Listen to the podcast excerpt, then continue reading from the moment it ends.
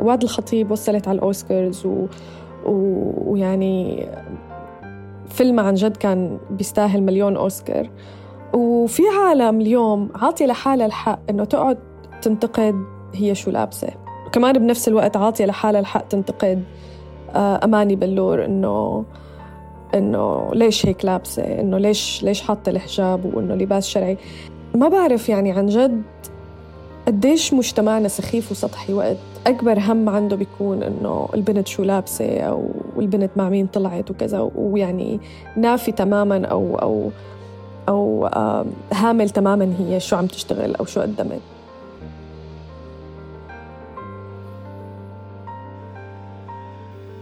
جرأنا على الحلم ما رح نندم على الكرامة. بهي العبارة زينت وعد الخطيب فستانة يلي ظهرت فيه بلوس أنجلوس الأمريكية. خلال الإعلان على حفل جوائز الأوسكار. العبارة نفسها بتعبر عن كتير نساء وصبايا سوريات. كان إلهن بصمة بالثورة السورية وكانوا بحد ذاتهم ثورة. ببودكاست جديد من إنتاج سوريا على طول رح كون معكم أنا آلاء نصار لحتى نحكي عن قصص صبايا سوريات.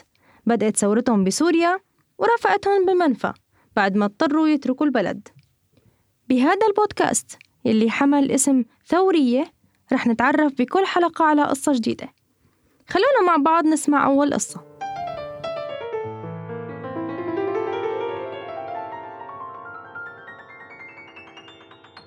أنا اسمي لبنى مرعي آه، عمري 29 سنة ومن مدينة جبلة. عائلتي مقربة من النظام وربيت على فكرة إنه النظام ما سيء. عرفت؟ يعني أنا ما شفت شيء قدامي خلاني آه، أحس إنه هذا النظام نظام قمعي أو نظام سيء. مثلي مثل أغلب الشباب والصبايا اللي انضموا للحراك بال 2011 إنه شفنا شيء غلط عم بيصير بالبلد قدامنا وقررنا نصور ضده. فايه أنا ما كان عندي أي اطلاع ولا أي وعي سياسي قبل ال 2011 يعني مثلا كمثال مثلا أحداث القامشلي بال 2004 وقت صارت أنا كنت صف ثامن. وبتذكر إنه وقتها كل شيء عرفته عن أحداث القامشلي إنه كان في مشاكل بالبلد. مثال تاني كانت أحداث حما.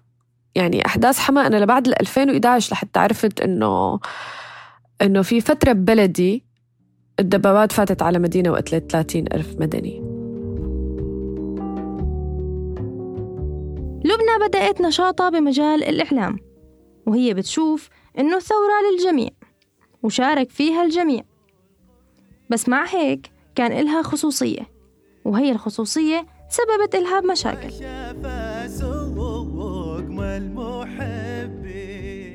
بصراحة أغلب العالم اللي أنا اشتغلت معهم يعني بالمناطق المحررة وهيك آه كانوا بيعرفوا تماما إنه هي الثورة فيها من كل الطوائف وفيها من كل الأديان. يعني ما كان عندهم هي أزمة الثقة إنه والله لأنه فلانة علوية نحن ما لازم نثق فيها بس بنفس الوقت ما رح والله أجي اكذب عليك واقول لك لا ما كان في ولا موقف طائب فيه وكل العالم اللي قابلتهم قابلوني بترحيب وحب لأني علوية.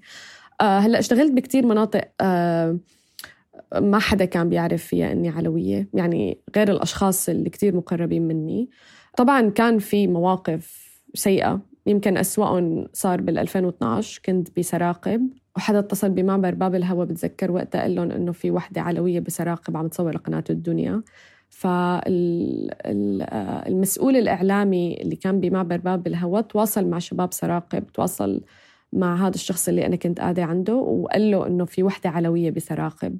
وبتذكر وقتها الشاب اللي أنا كنت قاعدة عنده قضى كل سهرة آه، الفيسبوك وقتها هيك عم بيحاول آه، يحكي معهم ويعرف الأخبار من وين واصلة و... و... ويعني مين طائق هذا البرغي. وتاني نهار آه هذا الشخص نفسه اللي كنت قاعدة عنده جاب لي نقاب وعباية ووقتها طلعت على تركيا. هلأ كان موقف كتير مؤذي بالنسبة لي يعني مؤذي نفسيا طبعا الحمد لله ما وقتها ما صار لي شيء بس إنه خلاني هيك حس إنه أنا كصبية علوية بكفي هيك واحد فقط يتصل بمعبر ويقول لهم إنه فلانه جاسوسه لحتى فعلا ممكن انأذى أو يصير لي شيء مع إنه أي شخص بيسمع اللي حكته لبنى بيعتقد إنه الموقف اللي صار معها كان على أساس طائفي. بس هي بتشوف غير هيك. بس بنفس الوقت هي المواقف يلي صارت خصوصا موضوع إنه والله فلانة جاسوسة وفلانة إلى آخره ما كانت بس عم تصير مع الصبايا العلويات. يعني بعرف أكثر من صبية سنية كمان توقفت وإنه صار معها مشاكل. فبظن أزمة الثقة بين الناشطين ما كانت مبنية فقط على أساس طائفي. بظن أزمة الثقة اللي بين الناشطين كانت جاية بسبب إنه نحن عشنا كل حياتنا ببلد فعلا مقتنعين إنه الحيطان إلى أذان وأنت ما لازم تحكي بالسياسة قدام أي حدا وهو أي حدا ممكن يكون عم عم يضرب فيك تقرير. بالنسبة إلي أنا كنت كتير واثقة بناس مقربين وإنه أنا فعلا بعرف إنه ممكن يروحوا على الموت كرمالي كانوا سنة. يعني إيه ما كان ما كان في هذا الشرخ الطائفي بيني وبين العالم اللي أنا كنت كتير مقربة منهم أو نشتغل مع بعض. بس كدائرة واسعة إنه إيه كان في أزمة ثقة طبعا عامة ما كانت فقط مبنية على أساس طائفي.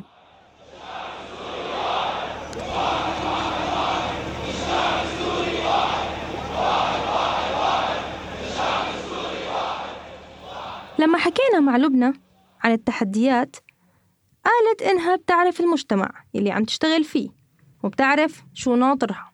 هي بتعرف إنه المجتمع ذكوري وبالمقابل لأنه جزء من تغطيتها الإعلامية كانت على الجبهات فما فيها تتحرك إلا إذا كان معها رجال وكل هالشي كان عادي بالنسبة لها بس صار معها موقف ما كانت بتتوقعه.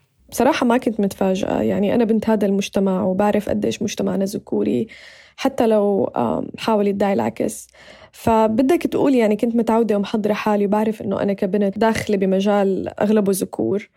وطبعا كان من الصعب علي أتحرك وأطلع صور بمكان أو بمنطقة إذا ما كان معي رجال. صعب أشتغل لحالي كبنت عجبها وبرجع بقول لك يعني أنا بنت هذا المجتمع وكنت بعرف شو ناطرني وقت اخترت أشتغل بهذا المجال. بس بصراحة اللي كتير فاجأني واللي ما كنت حاسبت له حساب أو متوقعته هو التحطيم والشتم والتشكيك بالعرض من عالم طبعا كانت تدعي أنها نسوية يعني مثال صغير مثلا بال 2014 واحد طلع حكى إنه إنه أنا السبب الوحيد يلي عم بيخليني أقدر صور أو فوت على جبهات أو آخذ access أو أو أعمل مقابلات مع مقاتلين هو آه، الخدمات آه، الجنسية اللي أنا كنت عم اقدمها للمقاتلين. طبعا آه، يعني كسوريين بنعرف إنه هذا الحكي كتير مغلوط خصوصا إنه نحن كناشطين بنعرف إنه أغلب الجيش الحر كانوا بقمة الترحيب لأي حدا معه كاميرا وحابب يصور أو يعمل مقابلة. فبالنسبة لي طبعا كان كتير مزعج هذا الكلام بس بالنهاية أنا ترباية بيئة شوي متحررة. فيعني إذا حدا هيك حاول يحكي بعرضي ما ما كنت كتير أنطش بصراحة. بس يمكن لو كنت مهتمة أخذ صك براءة من هذا المجتمع الذكوري أكيد أكيد مليون بالمية يمكن كنت عديت للعشرة قبل ما أشتغل بهيك مجال أو اشتغلت على جبهات كلها ذكور. بصراحة يعني أنا كنت متوقعة أو كان عندي أمل إنه إحنا تغيرنا خلال تسع سنين الماضيات بس الشيء اللي هلأ عم بيصير مع وعد الخطيب عن جد بيورجيك نحن مجتمعنا قديش قديش آه سخيف أحيانا. يعني وعد الخطيب وصلت على الأوسكارز و... و... ويعني فيلم عن جد كان بيستاهل مليون أوسكار. وفي عالم اليوم عاطية لحالها الحق إنه تقعد تنتقد هي شو لابسة. وكمان بنفس الوقت عاطية لحالها الحق تنتقد آه، أماني بلور إنه إنه ليش هيك لابسة؟ إنه ليش ليش حاطة الحجاب وإنه لباس شرعي؟ ما بعرف يعني عن جد قديش مجتمعنا سخيف وسطحي وقت أكبر هم عنده بيكون إنه البنت شو لابسة أو البنت مع مين طلعت وكذا ويعني نافي تماما أو أو أو هامل تماما هي شو عم تشتغل أو شو قدمت. زحمة هي الظروف الصعبة. بتشوف لبنى إنه كتير من الصبايا والنساء السوريات كان إلهم كلمة وعملوا ثورة داخل ثورة. بس بنفس الوقت آه، برجع بقول إنه أنا ما كنت استثناء يعني كان كتير في صبايا عم تشتغل وكمان الثورة السورية عن جد ورجتك قديش في صبايا تحرروا من هي الفكرة تبع إنه أنا لازم آخذ رضات المجتمع إنه أنا لا لحتى أكون صبية آه، منيحة لازم آخذ صك براءة من هذا المجتمع الذكوري.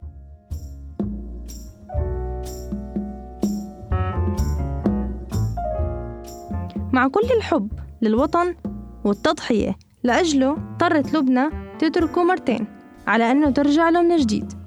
بس ما صار يلي بتتمناه.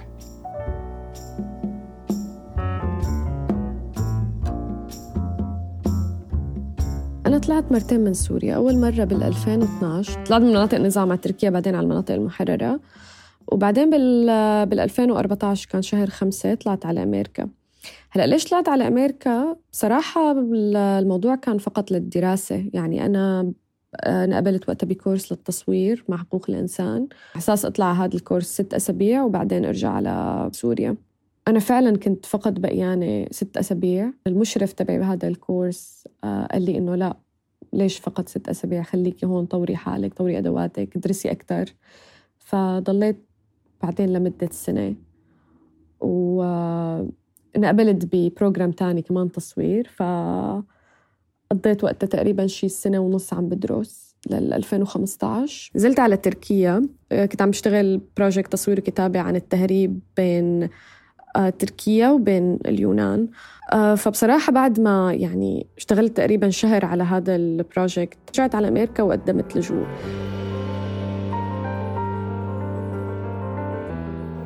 مع أنه أمريكا حلم لكتير سوريين بس كانت صعبة على لبنان. والثورة يلي جواتها توقفت شوي. خلينا مع بعض نسمع شو صار معها. أول ما طلعت على أمريكا توقف نشاطي آه لعدة أسباب. آه أول سبب إنه بصراحة كنت حاسة بالعجز إنه أنا ما قدراني أعمل شيء من هون. آه السبب الثاني إنه أنا أول أول سنة لإلي هون كنت كتير مكتئبة. بلد جديد والتأقلم كان كتير صعب. هلأ صحيح بحكي إنجليزي و وكنت قدرانة من أول يوم أقدر أكون صداقات. بس كان في شيء دائما بعقلي عم بيقول لي إنه هي مو بلدي إنه أنا رح أرجع على سوريا إنه أنا ماني بقيانة هون.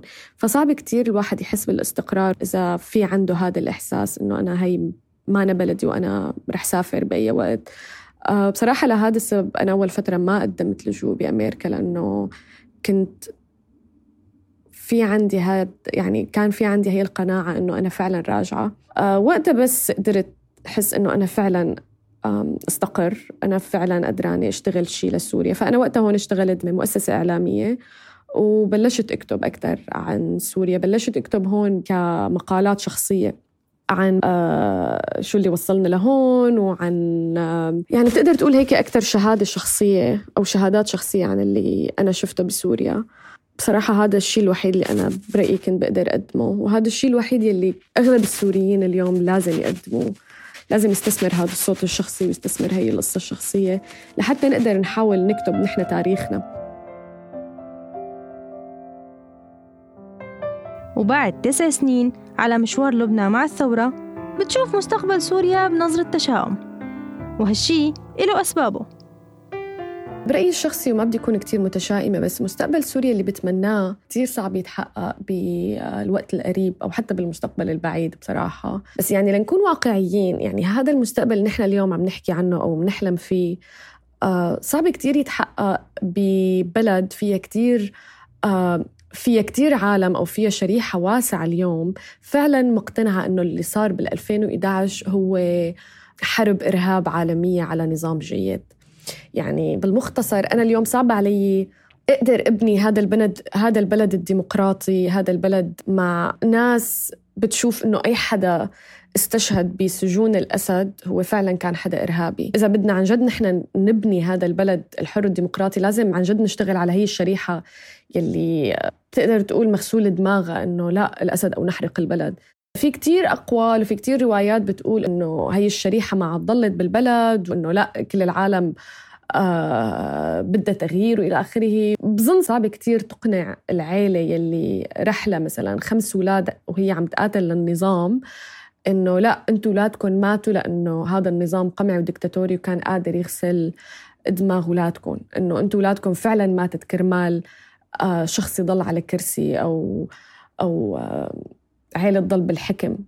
يعني هي العيلة صار عم تقنع حالة من تسع سنين إنه إنه لا أنا أولادي استشهدت لأنه كان في حرب آه، إرهاب على بلدنا. آه، مشكلتنا ما عادت اليوم فقط مع نظام الأسد. يعني الأسد إذا اليوم بيروح خلص مو إنه والله سوريا رح ترجع جيدة وسوريا رح ترجع بلد حر ديمقراطي وإلى آخره. لا المشكلة مع آه، العالم يلي تبنت روايات النظام من 2011 لليوم. هدول المشكلة الأساسية وهدول العالم رح تضل بسوريا حتى لو آه الأسد آه تنحى أو, أو, أو أسقط أو إلى آخره.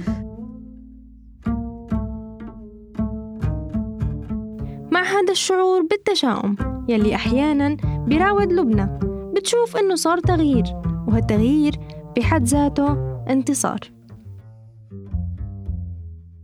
برأيي يعني حتى النظام اليوم لو ضل وبشار الأسد ضل وابنه لبشار استلم بعده في شيء حقيقي تغير بالبلد الكل صار يعرف تاريخ البلد. طبعا هون ما عم بحكي عن جماعة الله سوريا وبشار وبس عم بحكي عن الأغلبية الصامتة يلي اليوم إذا فتحت تمها يا رح تنجبر تطلع المخيم يا رح تنزل بالسجن. يعني وحشية هذا النظام وقمعه ما عاد تصير. آه أكيد الوعي اللي تشكل يعني خلال التسع سنين آه، الماضيات عند العالم ممكن يغير شيء. طبعا مو هلأ أكيد آه، ممكن بالمستقبل ممكن بعد عشر سنين ممكن بعد عشرين سنة. فيعني حتى لو الثورة اليوم فشلت حتى لو ثورة 2011 فشلت آه، صار في تغيير حقيقي بالبلد. عرفت؟ يعني صار في وعي في وعي سياسي نتج عن هي الثورة. بصراحة يعني برأيي إنه هذا لحاله انتصار.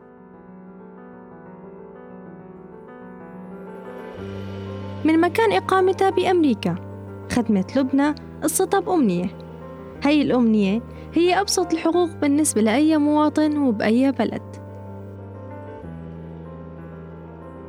طبعا اللي بتمناه هو إنه كل السوريين يقدروا يعيشوا بسوريا موحدة مع نظام يقدر يضمن حقوق كل طوائف الشعب السوري وكل مكونات الشعب السوري بغض النظر عن توجههم السياسي. آه، بلد موحدة ما يكون فيها إقصاء.